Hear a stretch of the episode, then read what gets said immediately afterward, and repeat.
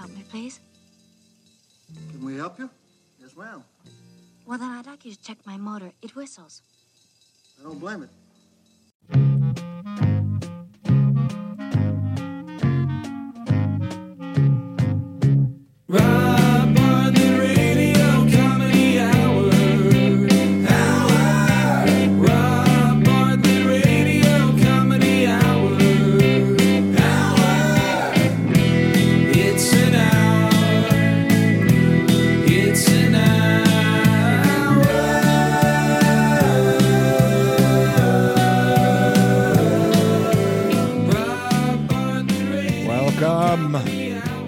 Welcome, boys and girls, to the Rob Bartlett Radio Comedy Hour. I am Rob Bartlett, and this is my Radio Comedy Hour, episode 50. 5 That's right.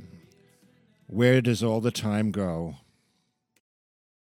I have no idea, but regardless, I think in two days it'll be a year. Imagine that. Now, um, before I get started, just want to remind you this Thursday night, CBS Elementary, the modern day Sherlock Holmes show, the Robbio starts a five episode story arc.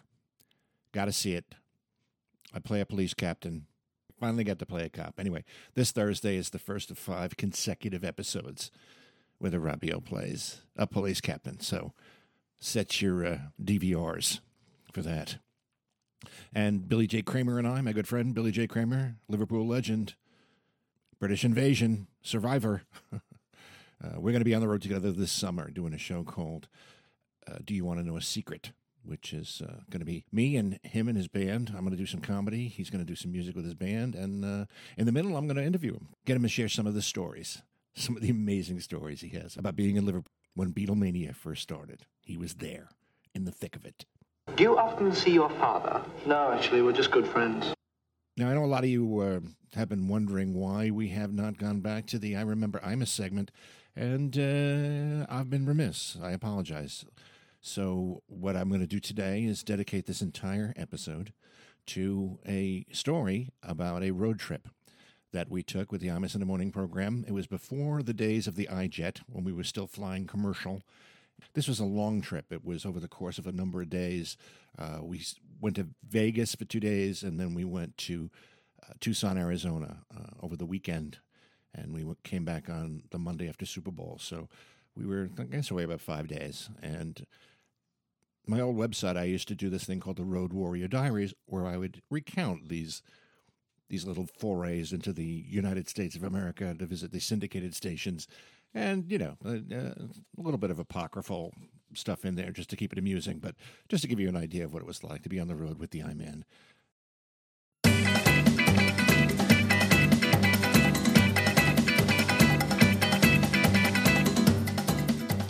Day one, 11:05 a.m. LaGuardia Airport, Concourse D. I meet Bernard at the metal detector. Learned that the airport personnel don't think jokes about us being the only two token whites in the Hezbollah are funny. After a short, routine, and very gentle, almost loving strip search, we make our way to the gate. Although we're a little late, Bernard and I feel like we've just made some new friends. He tells me he's taken Enrique's, the cute one, number and promised to call for a little get together when we get back. 11:28 a.m. American Airlines flight 491 gate 7D. Larry meets us at the gate with fresh off the press copies of the Sports Illustrated swimsuit issue, which Bernard trades for this month's Jugs, home of the Double D Cup. They taunt me, as all I've brought to read is the February Mac Home Journal. I protest, claiming that the chick in the Mac warehouse ad is pretty hot. 11:53 a.m. Runway 2. Raining. Takeoff is dicey. Think I scared the rest of the passengers with my reaction. Oh Jesus, we're gonna die! We're gonna die! We're gonna die! Oh God! Oh God! Oh God! Oh God! 11:58 a.m. 27,000 feet. Where the hell is lunch? 11:58 27 a.m. 28,956 feet. Where the hell is lunch? 11:59 49 a.m. 32,000 feet. The flight attendant assures me that lunch is coming shortly. I return the command of the plane to the pilot and the crew. 12:55 p.m. 34,651 feet. The flight attendant informs us we have a choice of hot salmon or cold barbecue chicken. Uh, what do they having in coach? Wet rocks? They won't let me pick both, so I picked the chicken, knowing they'll run out by the time they get to Larry and Bernie. I convince them to go with the fish, knowing they won't like it, and then I'll get theirs. They do, and I do. Surf and turf at 35,000 feet. 2 2:36 p.m. Descent. About 60 miles south of Dallas Airport, seatbelt signs just come on. We all eagerly anticipate the next leg of the trip where we all get to travel with the I-Man. We begin sedation. I find that Dramamine and Prozac generates quite the buzz. 2:46 p.m. Dallas International Gate 33. We're the first off the plane. The crew appears relieved. You think it was the first time someone took a dump on the service cart. No one meets us as promised. Larry, Bernard, and I wander aimlessly through the Dallas airport. After about 20 minutes, we realize the Admirals Club is adjacent to our gate. We take the elevator where an American Airlines employee questions the validity of our being there. After a lengthy discussion and $20 bribe, we finally convince her that we're supposed to be the guests of Dolly Parton's personal assistant, Walter Henry Hagen. Two phone calls, and 15 minutes later, we are escorted to Mr. Hagen's office. Mr. Hagen is a bright, vivacious man, and I have a hard time believing that he's in his 70s. It's here that Larry and I see Imus for the first time today. He is prone on the couch in Mr. Hagen's office. He does not look good. In fact, Mr. Hagen looks better than he does. Charles is in another office, desperately trying to retrieve a piece of material that is PowerBook 180C8 en route from Newark. Soon it's time for the flight to Vegas. There's a buzz surrounding our boarding as the other Dallas passengers believe that we are Keith Richards and his entourage. I sign an autograph. Van Morrison. 3:30 p.m. 28,000 feet. We've been in the air for quite a while now, and the captain says we're over the Grand Canyon. From this altitude, I realize it's nothing but a big rocky hole. I try to sleep. 4:25 p.m. 27,643 feet. Larry wakes me as I've been drooling causing a minor flood in the first class cabin. Our flight attendant, Marnie, is very sweet, telling me it's a welcome change from the dry, recycled air of the craft.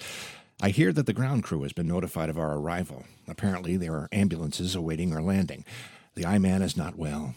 We all try to ascertain the medical problem and provide a diagnosis. After some rather abrupt exchanges, we are able to surmise that he feels icky. There's a doctor on board. We all get scripts for Prozac that hopefully the staff from KVEG will be able to get filled for us. 517 Pacific Standard Time, landing Las Vegas International Runway 5. The limo driver meets us at the gate and picks up the bags while I lose about $900 in the slots nearby. The ride to the Mirage Hotel is thankfully short, as the myriad bags we've brought have been strapped to the roof, making us look like the Beverly Hillbillies as we hit town. The Mirage is, without question, the most amazing hotel I've ever seen. Check in goes smoothly, despite the weird looks we get when we inquire whether or not hookers are available through room service. 7:31 p.m. Mirage Hotel, room 32, 175. I'm upset that the buffet does not deliver to the room. Instead, I settle for a club sandwich and glass of milk. The bill comes to $1,100. Time to turn in. Got to get up in six hours. More tomorrow after the show. Day two, 1:30 a.m. Pacific Standard Time, Mirage Hotel Room 32175 wake up call. Vampires don't get up this early. I take a shower. I nap while I'm conditioning my hair. I dress in a turquoise tuxedo and bowling shoes in a desperate attempt to stand out. I take the elevator to the lobby. There's a man at the craps table wearing the same outfit. Viva Las Vegas. 2:15 a.m. Pacific Standard Time, Race and Sportsbook Studio, where we are to broadcast from. I meet Larry, Chuck, and Bernie, and there are about 300 people here. There's a huge casino that's cranking all around us. 150 feet away, there are two white tigers on display, and yet these losers are sitting here waiting to watch us put on a radio show. I thank God for people with no lives. 2:25 a.m. Imus arrives to a huge ovation. He's wearing his 20x Beaver Resistol and his John Lennon sunglasses. Someone at a nearby roulette table mistakes him for Gene Autry. Imus crushes the man's windpipe with his thumb and forefinger. He's obviously feeling better. 2:45 a.m. The first outburst of the morning takes place at the sound engineer's expense. The table the mics are on pick up the vibrations from the stage, and the thumps make the I-Man nervous. The engineer is fired, and Imus arranges to have he and his family killed. Mark Chernoff, our program director, who has joined us, thinks that despite the unfortunate incident, I think it's going rather well. 3:20 a.m. John Minko steps up big time with the sports. He's still in New York at WFAN. Imus is pleased. His mood soon turns black, however, when his coffee cools below the desired temperature. The chef at the Mirage is fired and his family is killed. 3:27 a.m. President Richard Nixon is here. I'm dismayed to learn that despite the fact that he's been dead for a number of years now, he's done better at the blackjack tables than I. 3:40 a.m. Imus isn't feeling well again. It comes in waves. I offer to have one of the interns from KVEG killed to cheer him up. Pleasure he derives from the sacrifice appeases him temporarily. 4:54 a.m. Bob Bennett is the guest. Talks for 27 minutes. The way I figure it, this interview will end up costing President Clinton $750. 5:20 a.m. Scottso Scott Muni stops by. Some tourist from Cleveland throws water on him, thinking one of the dolphins has broken free from the tank. 5:38 a.m. Senator Dodd is the guest. Imus refers to him as one of the last few Clinton suck-ups. I wonder if Bubba has hit him up for money to pay Bennett. 5:51 a.m. Time change is starting to affect me. By my calculations, it must be nighttime in New York. Imus doesn't look good. He's really not feeling well. I kill two blackjack dealers for him, but it doesn't make him feel any better. I've noticed that all the women here are very friendly. Larry informs me it's because they're all hookers. He's so much more worldly than I am. 6:21 a.m. Steve Wynn stops by for a live interview. Although I'm an avowed heterosexual, I must admit he is a very hunky dude. 6:36 a.m. Don Criqui is here. He's taller than he appears on the radio. He tells me a joke. What's the best thing about having Alzheimer's? You meet new people every day. Enjoy, buddy. 6:41 a.m. We're coasting now. We're told our presence is requested at a cocktail reception later this evening for the station, and one of the sponsors will be there. I offer to waitress. Instead, they ask if I'd mind being an escort for the client who spends the most money at the station. All I have to do is look pretty and accompany him to the baccarat table. I can only hope he tips well. 7 a.m., the show is over. Although there's been some bloodshed, none of what's been spilled has been ours. One down, one to go. I go back to Imus's Lanai, where I have steak and eggs, and I give him a sponge bath and a massage. I return to my room about 8.30 and try to nap, but the sounds of those infernal screaming lambs keep me awake. Day 3, 7 o'clock a.m., Mirage. Larry's going home to go camping with his son Tanner this weekend, and Bernard is staying in Vegas until tomorrow. 8:30 a.m. Larry has won $38,000 on the nickel slots. His flight leaves before ours, but he wants to parlay it into some really big money, so I take it for him and promise to bet on the Super Bowl for him. I get a tip that's surefire. I bet it all on San Francisco to win Super Bowl 29. Come Monday, we'll be rolling in high cotton. Chuck and I hit the breakfast buffet, and after my third trip to the pork bar, they're forced to close down to restock. 10:30 a.m. Las Vegas International. Our flight on Reno Air to Tucson is delayed. Imus amuses all the passengers with his stories about when he used to hang off boxcars and sleep behind dryers in the old days. A charter plane with a bunch of guys from the KKK arrives. Apparently, they're in town tonight for some kind of convention. I have a hunch as to why Bernard is staying behind. 2:37 Mountain Standard Time, Tucson International. The flight is relatively routine, although some passengers and coach complained that Imus's whining drowned out the in-flight movie. We're met by Tom Hassey, the Lebanese local who owns the station here. He's a sweet, funny, and kind man. 45 seconds after meeting Imus, he breaks down. They are not tears of joy. We go to the Hotel Park Tucson, where we are to stay to do the show on Monday. It's a great place where the scent of sagebrush fills the air. Imus's special chair has not yet arrived. I give Tom some of the Prozac I have left over from Vegas. Well, it's time to nap until dinner with Tom and some other folks from the station. He wants to take us for Mediterranean, but Baba Ganoush isn't exactly what we're in the mood for. But I'm not sure there are too many Mexican restaurants here to choose from. Tomorrow, Chuck and I are to accompany the I-Man to Tombstone, although we'd both rather be standing over one with his name on it. Day 4, 9 a.m., Hotel Park, Tucson. Imus Charles and I attend a breakfast for clients and sponsors of KTUC, hosted by Tom Hassey. Imus startles the crowd when he gets up to speak. Apparently, they all think he's passed away during the reception. 10:30 a.m. I-10 East. We're on our way to Tombstone, Arizona, in a brand new fire engine red Jeep Grand Cherokee with Imus at the wheel. The sun is shining. It's 68 degrees outside, and Chuck and I remark how Larry is back east, camping out in the freezing rain with a group of screaming seven-year-olds. Sadly, we know he's having a much better time than we are. 12:07 p.m. We're in Tombstone, Arizona. Imus is not planning on parking the car. We protest as we're excited about seeing the OK Corral. He, he says he'll slow down as we pass it. Finally, we convince him it's worth stopping just to check out the art gallery. So we've come all the way to this historic village to walk where they fell, and he wants to look for R.C. Gorman prints. He buys an antique rifle for a $1,000. He wants me to put it in my carry on bag. Later, we visit Boot Hill, where Imus frightens a young child, thinking he's one of the Clanton brothers back from the dead to get him. We all find Boot Hill a little disheartening. What Chuck and I find to be the most disappointing, however, is that Imus's name isn't on any of the grave markers. 2:30 p.m. Hotel Park Tucson. Two messages from Larry. Re Super Bowl. Apparently, the reason I had a lock is I bet his 38 grand on last year's game. Front desk mentions he sounds upset. 3:30 p.m. Hotel Park Tucson. Telegram from Larry. Well, actually, it's more like a death threat. Charles Gray, the general manager of the hotel, provides me with 24-hour security. 4 o'clock p.m., Tucson Plaza Shopping Mall. Charles and I look for souvenirs. I buy a beaver cowboy hat despite his protests. I think I look cool in it. Charles says I look stupid. I wonder whose side Imus will take.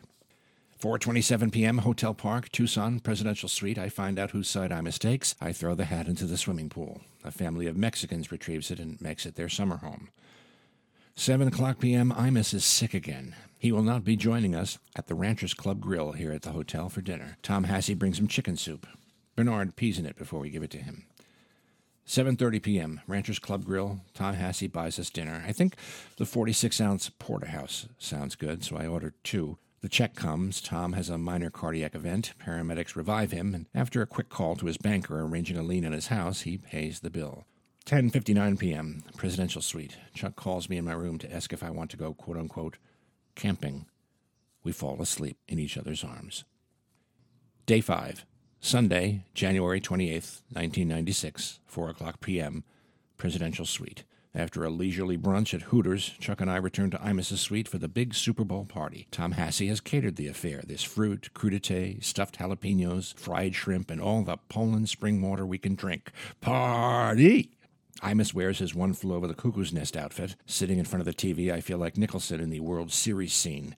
I think Bernie's nurse outfit is somewhat responsible. The Cowboys win. Larry calls. We refuse to take it. Monday, January 29th, 1996, 3 o'clock a.m., Hotel Park, Tucson. The ballroom here is where we're to broadcast from. No one is in the room yet. We wonder how this is going to be today. Even in Vegas, there was a respectable crowd before the show started. 3.25 a.m., Imus arrives. Once security has escorted him to the dais, they bring up the audience, who've been waiting outside in the cold and dark since 2 o'clock this morning. There are 350 of them. More arrive every minute. For some reason, I'm reminded of the chorus from Eleanor Rigby Ah, look at all the lonely people. 8 a.m. The show's over. Senator John McCain is, in my opinion, the highlight. What an impressive man. Sharp, intelligent, insightful, and fall on the floor funny. I want to join the Air Force so I can go over to Vietnam and bomb the bastards who tortured him for five years. Tom Hassey wants us to say a few words to another handful of sponsors at some continental breakfast across the hall. He knows how to get me to go anywhere. Make sure there's pastry. The crowd gives Imus and the show a standing ovation. We go across the hall to the reception, where Imus says a few words. Get out. On to the airport. 9:10 a.m. Tucson International. Another strip search at the airport when security finds the cowboy pistol cap gun I brought for my son as a souvenir in my attaché case. These people have no sense of humor. Somehow they don't find Imus's antique rifle. 12:18 p.m. Denver International. Bernard and I change planes. We board the 737, which is not as quite as comfortable as the 727 Chuck and Imus got to stay on to Newark, and Bernard complains to the stewardess about the lack of legroom. She does her best to apologize, but it's not enough for him, and he beats her unconscious with the oxygen mask assembly. I get the feeling he's a little homesick. 416 Eastern Standard Time, 37,000 feet. I've changed my watch back to New York time. I notice a man across the aisle from us in first class reading Howard Stern's Miss America. Obviously, a frequent flyer upgrade. 6:07 p.m. Eastern Standard Time, LaGuardia Airport. We're finally home. I'm exhausted. Bernard's parked his car here, and so I'll probably just grab a cab. I get paged over the public address system. I go to the white courtesy phone. It's Larry. Need a ride? Rob Bartlett Radio Comedy Hour. Ah, you know what that means, boys and girls. Time to close the book on another fabulous Rob Bartlett Radio Comedy Hour. Don't forget to follow us on Facebook if you want to know what's going on. Get some information about the upcoming shows I'm doing on the road with Billy J. Kramer. Also, check out our Twitter handle at the Robbio. Check us out on Instagram, Robbio007, and the Rob Bartlett Radio Comedy Hour. Send us an email. Say hi. Rob Bartlett Radio Comedy Hour at gmail.com. Don't forget this Thursday, the Robbio is on Elementary. Set those DVRs. Watch him actually acting. Our program produced by Gary Grant and me, Rob Bartlett. All material written by me, Rob Bartlett. The Rob Bartlett Radio Comedy Hour theme song, music and lyrics by Gary Grant. No animals were harmed in the production of this podcast. Until next time, be good to each other, won't you?